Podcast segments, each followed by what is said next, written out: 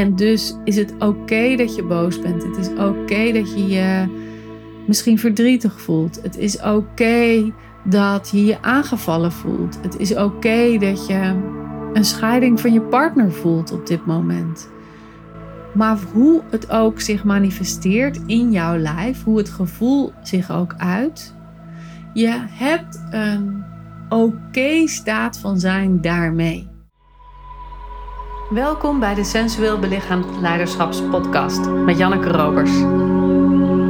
Dit is de podcast voor vrouwelijke coaches en leiders die zichzelf willen bevrijden van eeuwenlange conditioneringen die hen klein houden. En de podcast die je ondersteunt in het ontwaken van je volle vrouwelijke potentieel. Welkom in mijn hoofd, hart en bekken.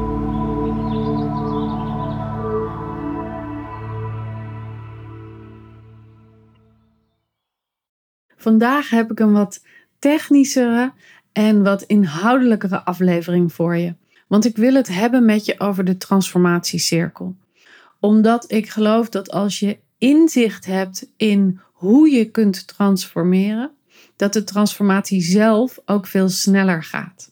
En daarom is het belangrijk om het idee van transformatie en de verschillende stappen die daarbij horen goed in je vizier te hebben. Omdat je dan in de gaten kan hebben als je bijvoorbeeld in de supermarkt loopt en tegen iemand aanloopt en ineens getriggerd wordt in zaggerijnig gedrag, dat je weet waar je zit in die transformatiecyclus en hoe je dat kan veranderen, zodat triggermoment niet je gelijk naar beneden haalt, maar je een inzicht geeft van, oh, dit gebeurt er en dit kan ik doen om uit die visuele cirkel te stappen. En ik kan er zo op een lichte en luchtige manier mee omgaan, zodat mijn energie voedend blijft en dat ik niet zaggerijnig of boos of in een emotionele rollercoaster beland, maar dat ik kan voelen: oh, dit is er gebeurd. En zo is het hoe het gaat. En ik kan kiezen om dit en dit en dit te doen. De transformatiecyclus, zoals ik hem beschrijf, bestaat uit een achtje. Als je een acht voor je ziet, dan heb je een onderrondje en een bovenrondje. En het onderrondje is voor mij de getriggerde ervaring. En het bovenrondje is de helende ervaring. En ik beschrijf beide rondjes en ik zal hem ook in Instagram posten of op mijn blog zetten, zodat je hem ook kan zien. Maar misschien vind je het leuk om mee te schrijven. Dat kan natuurlijk ook afhankelijk waar je zit. Of je op de fiets of de auto zit, dan is het niet zo handig om mee te schrijven natuurlijk. En dan moet je misschien gewoon nog een keer afluisteren. Dus laten we beginnen met een voorbeeld dat we mee kunnen nemen gedurende deze inhoudelijke bespreking, om het zo maar te noemen. Dus stel je voor, je klant of je partner of een ouder op het schoolplein of iemand in de straat zegt tegen jou: Nou, wat heb jij nou gedaan? En dat is de triggerervaring. Dus je hebt uit vroeger een keer ervaren dat dat een ouder bijvoorbeeld tegen je zei: Wat heb jij nou gedaan? En daar kwam iets uit voort. En iemand zegt nu tegen jou: Wat heb jij nou gedaan? En brrr, je gaat in die riedel. Dus dan is het belangrijk dat je in de gaten hebt, dat je voelt dat je getriggerd bent. En dat je weet wat dit effect op jouw zenuwstelsel heeft. En wat jouw interpretatie van dat moment is. En dat is natuurlijk heel gemakkelijk om dat te zeggen, want meestal hebben we dat niet in de gaten. Meestal krijgen we het pas in de gaten als we wat verder op dat onderste rondje zijn gedraaid en in die neerwaartse spiraal zijn gekomen. Maar dit is wel het moment waarop die trigger aangaat. Dus dit is als je het visueel voor je ziet, waar de twee rondjes van de acht elkaar kruisen. Dit is je triggerervaring dan ga je op dat onderste rondje van die acht wat meer naar rechts. En kom je in de reactie die je hebt op de triggerervaring. Dus je hebt de neiging om keihard er tegen in te gaan. Nou, ik deed helemaal niet iets raars. Of je hebt de neiging om te zeggen: Oh, oh, deed ik iets raars? Dus je trekt je terug. Of misschien sla je wel helemaal dood en zeg je helemaal niets. Of geef je een heel gewenst antwoord waarvan je weet, nou, dit is wat ze verwachten, dus dit is wat ik moet doen. En dat is vaak het oude gedrag. Het gedrag wat je vroeger ook vertoonde. Het gedrag dat je al eerder op deze vraag gaf. En het is gedrag waarvan je nu weet: oh, dat zou ik liever niet willen doen. Ik zou nu liever gewoon heel erg bij mezelf willen blijven. Ik zou open willen blijven, mijn hart open willen houden, zodat ik nog steeds kan verbinden met deze persoon. Ik zou geland willen zijn in mijn bekken. Ik zou mijn eigen stevigheid willen voelen. Ik zou mijn eigen uitgelijndheid willen voelen. En dan kunnen ervaren: hey, wat gebeurt er eigenlijk bij mij? En wat, wat is er nodig op dit moment? En gaat dit over mij? Of is deze reactie van deze persoon, zegt dat meer iets over hem of haar, in plaats van dat het iets zegt over mij? Dat is wat we willen. Dat is het bovenste deel van die acht. Maar we zitten dus in het onderste deel van de acht. We reageren op een oude manier. En na dat oude gedrag komt er verzet of frustratie. Je wordt boos. Je wordt boos op de ander, je wordt boos op de groep of je wordt boos op jezelf dat je het weer doet. Dus er is een, een vorm van verzet dat zich uit naar de ander of naar jezelf. Dus het uit zich naar een persoon. Maar het gaat eigenlijk over dat oude gedrag. Daar ben je kwaad over. Vervolgens zak je nog dieper in dat onderste deel van die acht. En je voelt dat je geen invloed meer hebt. Je voelt je machteloos. En als je je machteloos voelt, dan kun je of het slachtoffer worden van de situatie. Dit gebeurt mij weer. Het is iedere keer weer dat iemand dit tegen me zegt. Ik doe het ook nooit goed. Het is altijd verkeerd. Die woordjes als nooit, altijd, iedereen, die laten vaak zien dat dit een systemische reactie is. Dat dit iets is wat uit vroeger voortkomt. En waar je dus iets mee mag doen of waar je dus een andere beweging in mag maken. Het kan ook zijn dat je de aanklager wordt en dat je dus juist zegt van zij, ze hebben altijd het idee dat ik iets anders moet doen. En dat je dus boos wordt op de ander. Of je gaat de situatie redden, dat kan natuurlijk ook. Allerlei vormen van hoe we ons reageren op dat we machteloos lijken te zijn. Je bent natuurlijk niet machteloos, want in de bovenkant van de 8 kun je weer eigenaarschap nemen over de situatie, maar we zitten in de onderkant van de 8 en daarin voelen we ons machteloos. En dat eerdere stukje over verzet en frustratie en dit stukje van je machteloos voelen, is vaak waar we in de gaten krijgen: oh, we zijn getriggerd. We zijn al een stukje verder op die 8 naar beneden. Je krijgt in de gaten dat het de verkeerde kant op gaat. En liever willen we dat natuurlijk eerder, maar nou ja, dat gebeurt niet altijd. Als we dan aan de linkerkant van de acht omhoog gaan, dan kunnen we gaan in het veroordelen van de ervaring of het gevoel. Oh shit, ik heb dit weer gedaan. Ik heb me weer laten triggeren door iemand van buitenaf. Ik heb weer niet opgelet. Of misschien zelfs in de reactie in de trigger dat iemand zei van wat heb je nu gedaan? Oh jeetje, ik doe het weer. Dus je veroordeelt je ervaring of je veroordeelt hoe je je erover voelt. Dus je geeft jezelf als het ware de schuld van iets. Vervolgens kom je nog iets verder naar boven en je vergelijkt dat onbewust met een moment uit het verleden oh, ik doe het altijd fout, zoals we dat ook in de onderkant van de acht hebben, waarin je jezelf machteloos voelt, komt het nu ook weer naar voren, waarin je het vergelijkt met toen en toen deed ik het ook al fout. Toen en toen was ik ook al niet oké. Toen en toen was ik ook al de mindere in deze situatie. Toen en toen had mijn partner ook al commentaar op me. Vervolgens kom je weer in die kruising waar je kunt kiezen oh, ik word nu getriggerd door mijzelf, omdat ik me omdat ik deze situatie vergelijk met een oude situatie en ik ga weer die onderkant van dat achtje doen. Ik ga weer in de trigger het oude gedrag, het verzet, het machteloos voelen, het veroordelen en het vergelijken. En zo kun je dat rondje eindeloos blijven draaien. Of ik heb in de gaten dat ik getriggerd ben. En dat ik bewust kan kiezen om naar het bovenkant van het achtje te gaan. En in de bovenkant van de acht zoeken we juist heling en opening en transformatie. Willen we het anders doen? Willen we, zoals ik al zei, uitgelijnd zijn en verbinding houden en gegrondheid in ons eigen bekken kunnen voelen? En dat we in het hier en nu zijn en dat we dus niet hoeven vast te draaien, maar met een open blik ons gevoel kunnen laten stromen en actief onderdeel kunnen zijn van wat we voelen, wat we denken, wat we ervaren en hoe we verbinden.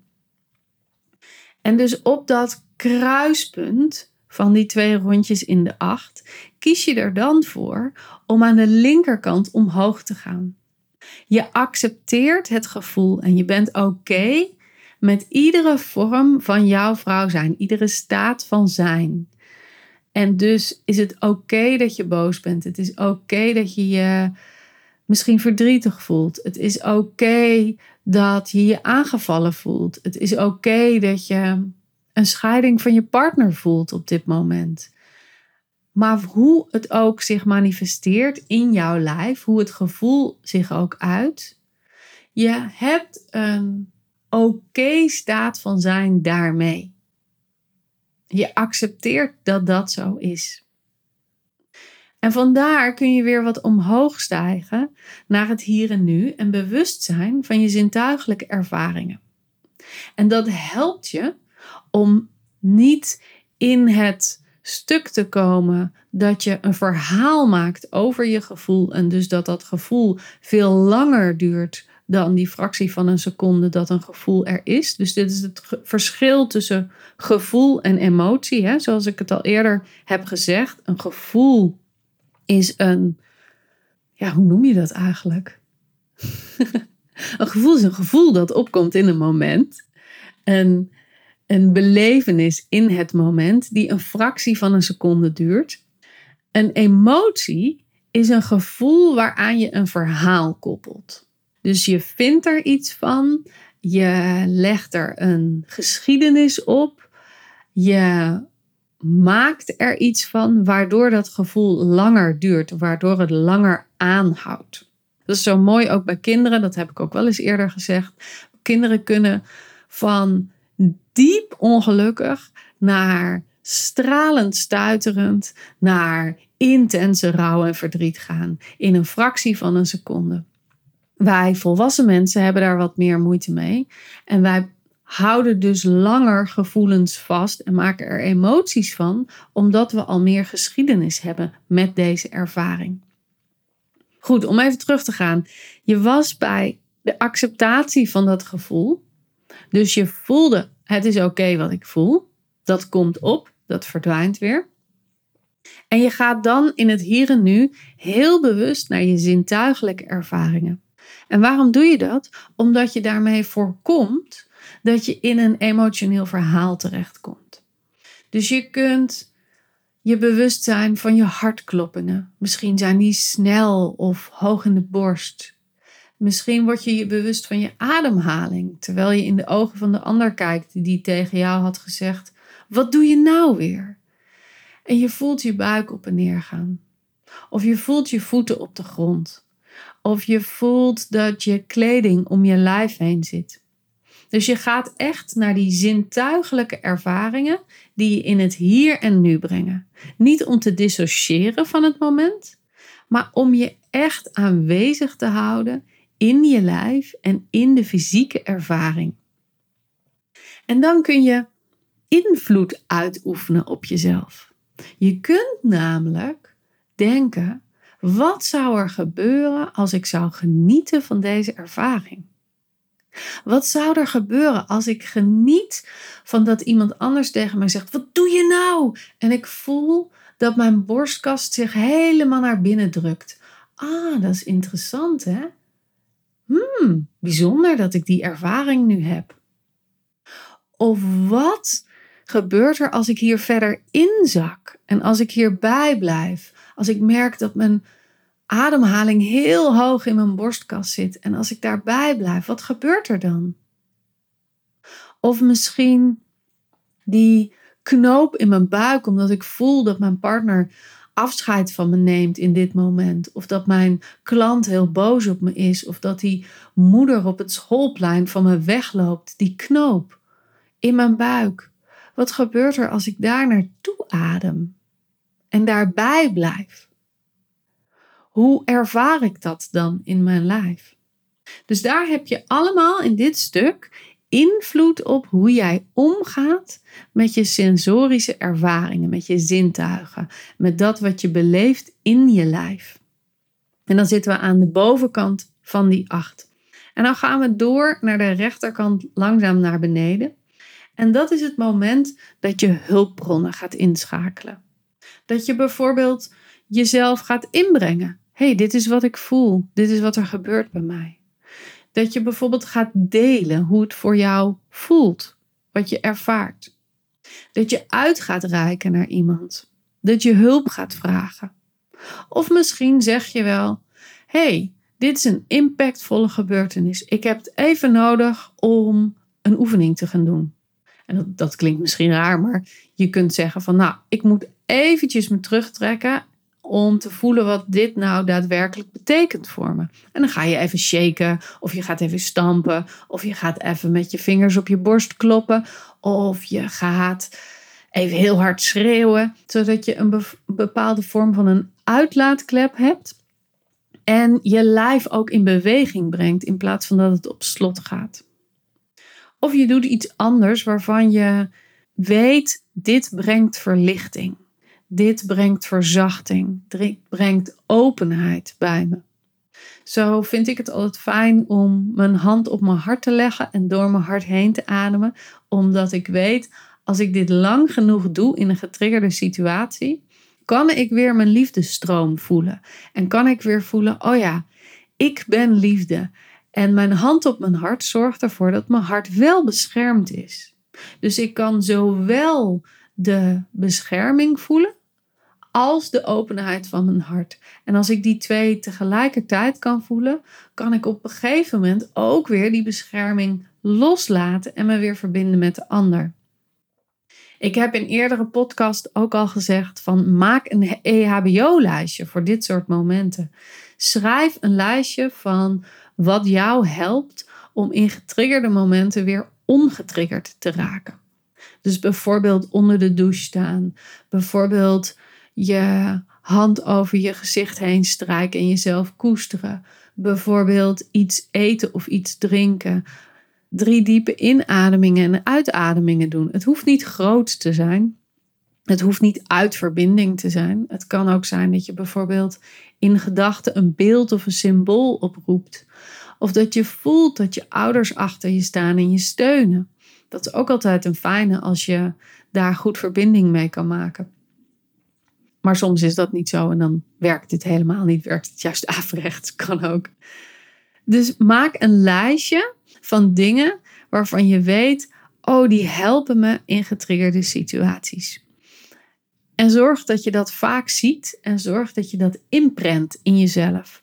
Want juist in getriggerde situaties is het heel moeilijk om die hulpbronnen in te schakelen. En weten we het vaak niet meer, omdat ons brein gewoon afsluit. En dus hebben we het nodig om dit in te printen. Of dat je je partner laat weten van als ik getriggerd ben, is dit belangrijk om te doen. Dat helpt dan niet in die situatie dat hij zegt, wat doe je nou weer? Want dan is diegene ook getriggerd. Dus dan lukt het meestal niet. Maar als je dat soort EHBO-lijstjes vaak ziet, dan kun je jezelf erop trainen dat je op dit moment die hulpbron inschakelt. Nou, vervolgens zak je nog verder op die bovenste acht naar beneden. En ga je in het stuk van effectief gedrag vertonen. Wat is voedend in deze situatie? Wat heb ik nu werkelijk nodig? Wat ontzenuwt deze verwrongen verbinding? Wat kan bijdragen aan herstel of opening van mijzelf, zodat dat weer bijdraagt aan opening of herstel van de verbinding? Wat is het beste wat we hier kunnen doen, wat voedend is voor zowel mijzelf als de ander als de situatie? En dat kun je nu veel beter voelen omdat je die hulpbron hebt ingeschakeld. Omdat je hebt gezorgd dat je niet meer alleen bent in die situatie. Omdat je jezelf steun en bedding hebt gegeven. Dan kan je ook weer het voedende inbrengen in deze situatie. En kom je weer terug op die kruising, waar je of kan kiezen om in het onderste rondje te belanden, omdat je het toch nog even moet hebben over dat iemand heeft gezegd: Wat doe jij nou weer? Of je gaat nog een keer die bovenste cirkel door en je zoekt wat is hier nog meer helend en openend? Wat kan ik nog meer doen om dit in de toekomst ook transformerend te laten zijn als dit weer gebeurt? En dan ga je dus weer in de acceptatie van het gevoel, in je zintuigelijke ervaringen in het hier en nu, in je eigen invloed toepassen. Dus kan ik inademen of kan ik genieten van deze ervaring? Je hulpbron inschakelen en effectief verdrag, gedrag vertonen. En dan is die cirkel weer rond. Nou, dit was een hoop informatie. Maar ik denk dat er ontzettend veel waarde in zit en ontzettend veel transformatiemomenten voor jou in zitten om te kunnen kijken van hoe pak ik nou een situatie waarin ik getriggerd ben aan en hoe verander ik die nu van geslotenheid naar openheid. En ik ben benieuwd welk deel van de cirkel heb jij nodig om wat meer aandacht aan te geven.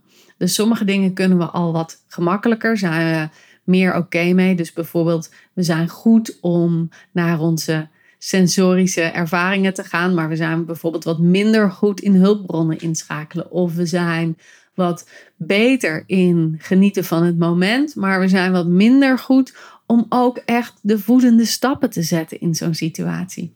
Welke, welk deel van de cirkel heb jij uit te breiden en heb je nog meer aandacht aan te geven? Ik ben benieuwd, rijk even naar me uit en laat het me weten vind ik sowieso altijd leuk om van je te horen wat je doet met de inhoud van de podcast en hoe dat je leven of je werk of je relatie beïnvloedt en hoe dat een positief effect heeft op hoe jij zelf als vrouw in het leven staat.